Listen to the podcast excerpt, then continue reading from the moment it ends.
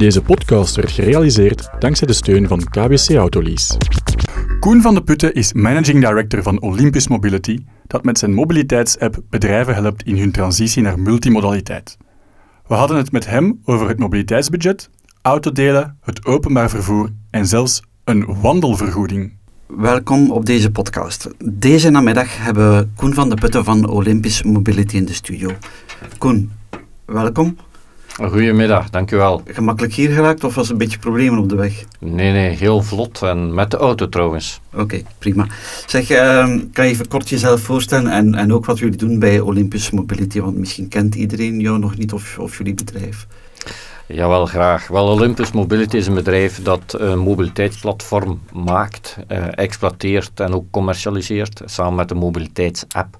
En daarmee verzorgen we eigenlijk uh, zoveel mogelijk de bedrijfsmobiliteit hè, voor bedrijven en werknemers.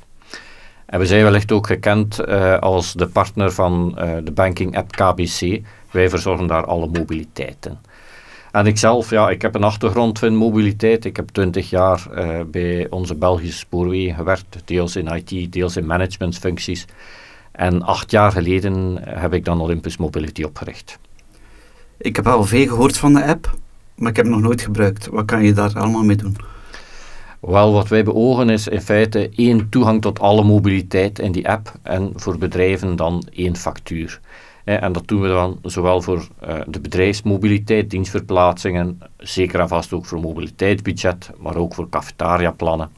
En wat doe je in de app? Ja, gewoon al je mobiliteit aanschaffen. Hè. Dat gaat van treinticketjes, uh, de lijnticketjes, maar ook gedeeld vervoer, hè, autodelen, fietsdelen, steppetjes, um, tot parkeren, tot brandstof, uh, ook elektrisch laden. Eigenlijk proberen we alle types van mobiliteit daarin uh, beschikbaar te maken. We gaan er nog een stapje verder om ook de administratieve processen uh, eigenlijk binnen bedrijven te uh, vergemakkelijken. Zo kilometerregistratie met de fiets of met de wagen. Zelfs ook wandelvergoeding. Uh, voor sommige... Een wandelvergoeding? Ja, absoluut. Sommige, Dat bestaat ook? Ja, ja voornamelijk overheidsbedrijven um, keren een wandelvergoeding uit om mensen te stimuleren om eigenlijk te voet naar het werk te komen. Oh, dat wist ik zelfs niet. Ja, dat is voilà. nieuws voor mij. Iets bijgeleerd terug. Voilà. Dus dat kan je daar allemaal mee doen. En wie zijn dan de afnemers? Uh, wel, we richten ons tot bedrijven uh, en de werknemers. En daar zit echt de toegevoegde waarde. Hè. We bieden daar eenvoud, uh, gemak van toegang. Je hoeft niet meer al die verschillende abonnementen met die verschillende mobiliteitsaanbieders aan te schaffen. je hebt toegang tot Olympus, dan heb je meteen toegang tot al die types mobiliteit. Je zei daarnet KBC, jullie eerste grote klant die jullie eigenlijk op de kaart heeft gezet. Uh, ondertussen zijn jullie acht, acht, jaar verder. Ja? Acht jaar verder. Um, wie zijn de, de, grote bedrijven die er nog zijn bijgekomen? Kan je een paar voorbeelden geven of success stories? Of? Ja, ja, absoluut. Uh, wel, KBC is een specifieke klant, omdat dat eigenlijk uh, een integratie is in een banking app. En dus naar, naar, hoofdzakelijk naar privéklanten. Ons eerste businessmodel is eigenlijk naar bedrijfsklanten. Hè. Waar, welke klanten hebben we? Bijvoorbeeld Sweco, typisch een ingenieursbedrijf. Iedereen krijgt daar een bedrijfswagen, elektrisch nu, maar toch hè, wil dat bedrijf hun mensen de mogelijkheid bieden, en het personeel wil dat zelf ook, om met de trein of met bus of met deelauto uh, zich te verplaatsen. Hè, omdat het dikwijls veel gemakkelijker is. Uh, KPMG is een heel mooie klant, uh, de VRT, Mediahuis, Materialize en, zo, en zo verder. We hebben eigenlijk klanten, zowel heel grote bedrijven, waar we dan heel diep integreren ook, ja. hè, als de kleine tot zelfs freelancers. Dus ook KMO's, zelfstandigen of... of ja, ja, ja uh, KMO's van een twintigtal mensen, uh, die gebruiken ons dikwijls voor dienstverplaatsingen, VZW's ook. Uh, heel veel VZW's die streven naar gemak. in plaats van de, de kartonnen of papieren tickets in de schuif en, en uitdelen aan personeel en terug. met onze toepassing zijn ze dan verlost van al dat administratief gedoe. Ja. Zeg, ik heb een vraagje over dat mobiliteitslandschap. Hoe is dat veranderd? Je, je volgt al jaren. Uh -huh. uh, we zien natuurlijk in de, in de cijfers van de inschrijving van, van bedrijfswagens, die blijven zeer populair. Hè? Ja. Maar zie je daar toch een shift naar meer alternatieve mobiliteit of aanvullende mobiliteit? Wel, er zijn een aantal grote veranderingen. Hè. In de afgelopen jaren natuurlijk COVID. Hè. Dat, is, dat is heel duidelijk. Eh, er is een tijdperk voor en na COVID. Na COVID telewerken, veel meer variabel uh, verplaatsingsgedrag, hè, wat naar bedrijven, HR-diensten en mobility managers een, een grotere last uh, betekent eigenlijk. Dat is een heel groot trendbreuk hè, met, met COVID. Um, tweede trendbreuk is het fietsen. Elektrisch fietsen, eh, pendelen, dat is echt een wereld van verschil. Hè. De kranten staan er regelmatig vol van. Uh, je ziet ook heel veel verschillende leveranciers van speedpedelecs opduiken. Hè. Ik heb er gisteren nog uh, gezien. Dus heel mooi. Um, en een derde trendbreuk, maar dat is meer fiscaal gezien. Ik weet niet of dat echt mobiliteitsgedragsveranderend zo sterk is. Dat is het mobiliteitsbudget. Ja ja, daar we ook, ook eventjes over hebben. Maar we gaan straks het uh, nog even aankaarten, het mobiliteitsbudget. Ik wil nu het eerst eventjes hebben over de andere alternatief, het openbaar vervoer. Uh Dat is geen eenvoudig, hè? Altijd kritiek te laat en, en, en moeizaam en dergelijke. Hoe kijk jij daarnaar? Wel, ik heb twintig jaar gewerkt bij de spoorwegen, dus eh, ik ken die kritiek. Uh, ik heb ook twintig jaar gependeld uh, naar Brussel. Als ik dat met de auto moet doen, dan was ik wellicht nog veel grijzer dan ik nu ben. Hè. Um, in heel wat gevallen is de trein wel een goede oplossing. In heel wat andere gevallen niet, is de auto de beste oplossing. Hè. En wij streven er inderdaad naar om, om die combinatie van mogelijkheden in te zetten hè, op het gepaste moment, naar uw eigen goesting, uh, naar het weer, naar de bestemming, kies het juiste. Um, en er is veel gemakkelijke kritiek uh, op het treinvervoer, uh, maar ik denk de regelmatig waar ik twintig jaar mee naar Brussel geweest ben, moest ik het aantal minuutjes vertraging tellen en dat vergelijken met minuutjes vertraging met de collega die met de auto reed, dan had ik zeker gewonnen. Als je kijkt naar flexibiliteit, dus iemand heeft verschillende afspraken op één dag, dat de auto dan altijd de winnaar is uiteindelijk? Och, bijna altijd. Hè. Als je verschillende afspraken hebt met de auto, doe die, uh, of uh, verschillende afspraken op één dag, doe die met de auto. Wij zijn, wij zijn niet tegen de auto, verre van. Hè. We hebben een aantal leasingmaatschappijen die partner zijn, een aantal fuelkaartmaatschappijen die partner zijn. Het gaat echt over een combinatie. Hè. En de wagen is in de meeste gevallen het beste, de beste verplaatsingswijze. Maar er zijn een paar nadeeltjes aan. Af en toe soms, soms sta je heel lang in de file. Ehm, het kost wel wat, het vervuilt wel wat. En dus ja, probeer gewoon dat hammer van mobiliteitsmodi te optimaliseren. Als je kijkt naar die mobility shiften, zie je daar verschillen in, in leeftijdsgroepen die daar meer voor openstaan dan anderen? Ik, ik vermoed dan altijd, de misschien iets oudere werknemer heeft er minder zin in. Of klopt dat niet? Oh, elk geval is natuurlijk persoonlijk, hè, maar, maar als je dan, dan statistisch bekijkt, eh, ja, het is een feit dat jongeren op latere leeftijd pas hun rijbewijs behalen.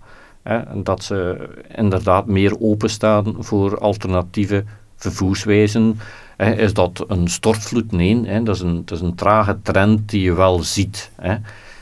Um, aan de andere kant, de bedrijfswagen, maar dat heeft minder te maken met echt mobiliteit, maar meer met fiscaliteit, uh, is nog altijd uh, natuurlijk een fiscaal zeer gunstig regime om mensen te verlonen. Nu gaan we het even, eventjes hebben over het mobiliteitsbudget. Um, ik heb nog uh, een paar cijfers opgedoken van vorig jaar, een studie van SD Works, en men sprak over een verdubbeling -huh. in, in afname van het mobiliteitsbudget. Maar dat ging over 0,10% naar kloof 0,18 of zo. dacht ik, ja, dat klinkt natuurlijk mooi, een mhm. verdubbeling, maar bon, het blijft eigenlijk marginaal. Hè. Wat is daar de oorzaak van, denkt u? Ja, um, wel, het is nu aan het ontsnappen uit de marginaliteit wel. Hè. Uh, het mobiliteitsbudget kan dermate voordelig zijn als je het uitlegt aan personeelsleden dat het eigenlijk een no-brainer is. Hè. En dan gaat het voornamelijk rond um, huisvestingskosten kunnen in rekening brengen op het mobiliteitsbudget. Want je mag niet vergeten, het mobiliteitsbudget is eigenlijk de som geld die je auto vertegenwoordigt voor je werkgever, hè, dus van het werkgeverstandpunt, krijg je eigenlijk als werknemer, maar dan netto. Dus dat is, een grote som geld. Hè. Dat gaat typisch uh, van 8000 euro en, en meer. Die som is zodanig groot dat mensen het eigenlijk bijna niet kunnen opgebruiken. Hè tenzij hè, je het kunt aanwenden voor uh, de afbetaling van, van je woning hè, of uh, de huur van je woning. Dat kan nu ook, hè. Sinds wanneer kan je dat? Sinds het begin, hè, maar het is ietsje versoepeld nu. Je moet binnen een straal van 10 kilometer wonen in plaats van 5 kilometer. Of je moet meer dan 50% thuiswerken, want dan is je thuiswerk, uh, of thuisplaats gelijk aan je werkplaats. Val je in, in, dat, uh, in die categorie, ja, dan is het gewoon weg een no-brainer. Is het fiscaal zo voordelig dat, dat ja, het echt wel een succes is als je dat invoert in bedrijven. Waar kan je het eigenlijk allemaal voor gebruiken? Want misschien weten niet alle mensen dat. Hè? Mm Ze horen naar waaien, mobiliteitsbudget. U zegt net voor eigenlijk kosten van huisvesting ook. Ja, wel, mobiliteitsbudget heeft eigenlijk drie grote pijlers. Ten eerste nog altijd de klassieke bedrijfswagen, maar dan elektrisch. Eh, ik zou maar zeggen, minder dan 95 gram CO2-uitstoot, maar in praktijk betekent dat uh, elektrisch. Um, tweede deel daar kunt voor gebruiken is dan voor wat men noemt de duurzame of zachte mobiliteit. En je kunt daarmee een fiets kopen of huren, auto delen, uh, een aantal dagen, 50 dagen een auto huren ook. Het hoeft geen elektrische te zijn, in de toekomst wel, maar nu nog niet.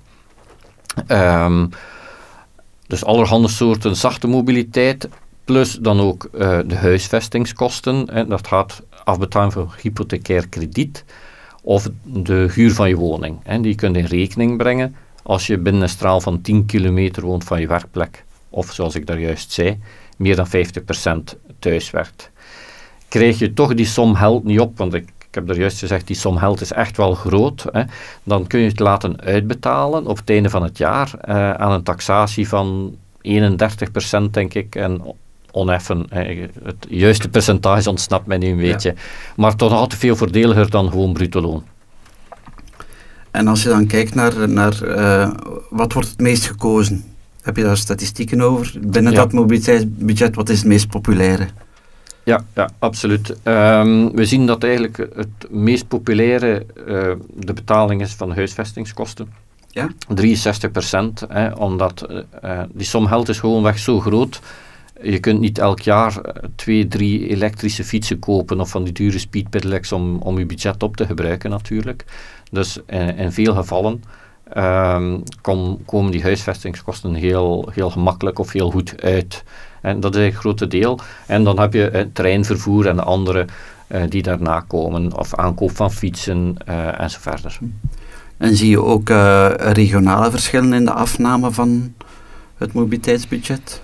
Ja, ik, ik, denk ietsje minder in Vlaanderen, klopt dat? En meer in Brussel?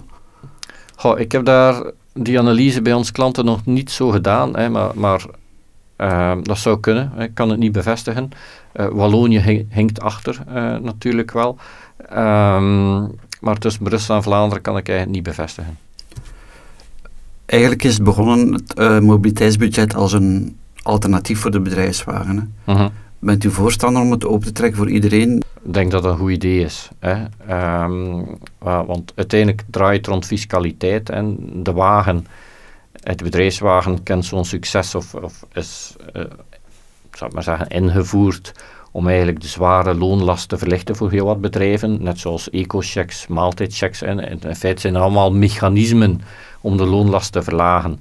als je een mechanisme kunt doen dat een betere mobiliteitsimpact heeft dan de wagen, ja, natuurlijk is dat goed. En een mobiliteitsbudget heeft een betere impact op mobiliteitsgebied dan de wagen. Hè. Het is, als je een bedrijfswagen krijgt en je met een tankkaart, ja, dan verplaats je gewoon gemakkelijker veel meer op kosten van je werkgever.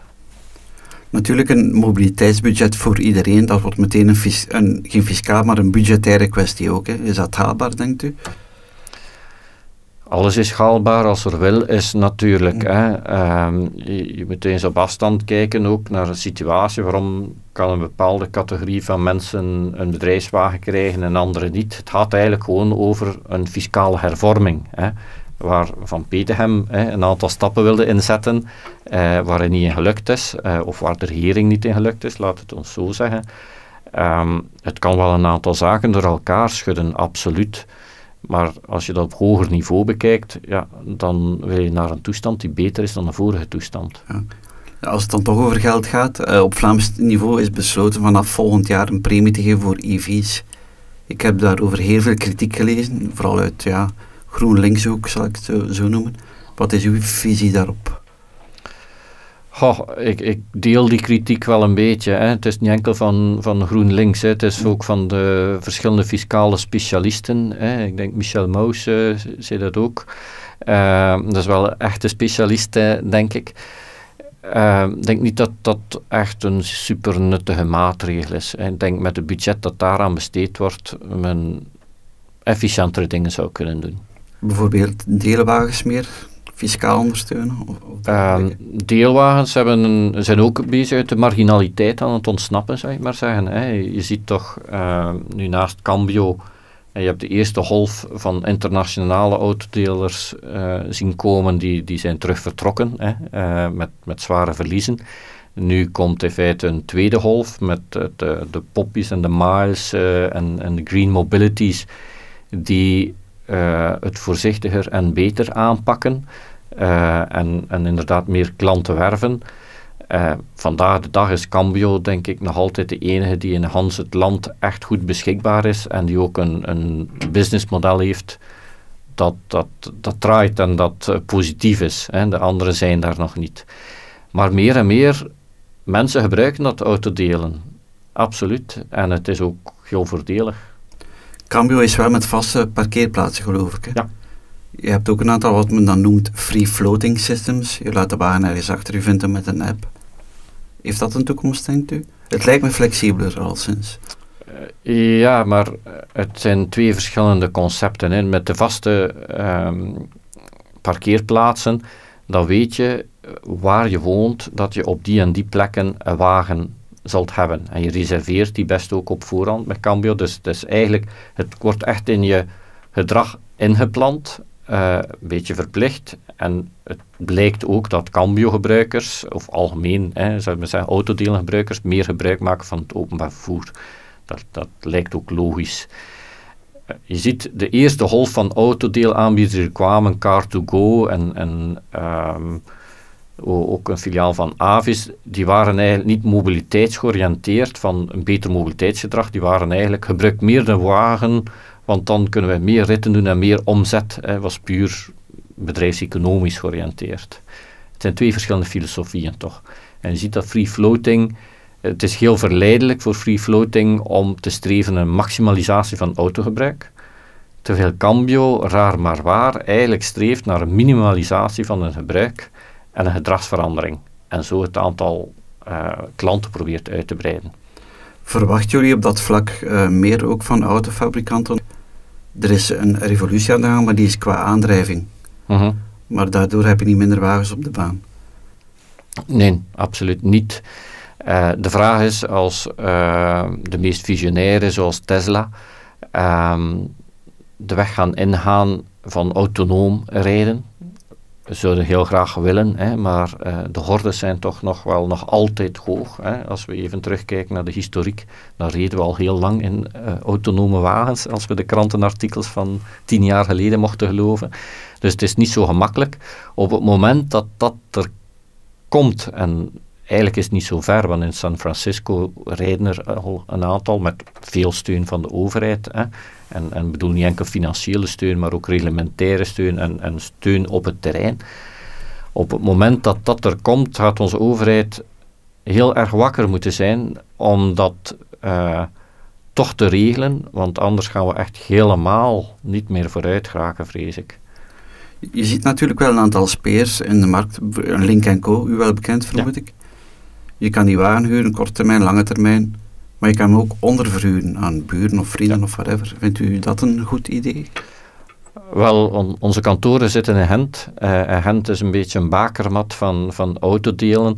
Je hebt daar Degage, je hebt daar ook Bad Mobility. En Bad Mobility is eigenlijk een professionele versie van uh, ik, ik lease een wagen en ik verhuur hem ook onder. Hè. En dat, ik zie dat toch groeit. Het blijft nog altijd heel klein.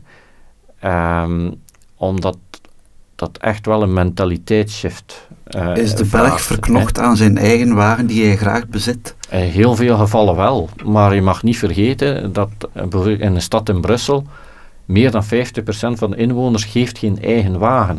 Maar je hebt natuurlijk een goed openbaar vervoer in Brussel. In Brussel wel, in Gent al ietsje minder. Ja, ja. Um, dus het is eigenlijk puur op kwaliteit van het openbare vervoer dat er gekozen wordt. Kijk, we nemen het, want het is goed en het is snel. Niet puur op, ehm, op kwaliteit van openbaar vervoer, ook op gewoon het kunnen betalen van een eigen wagen.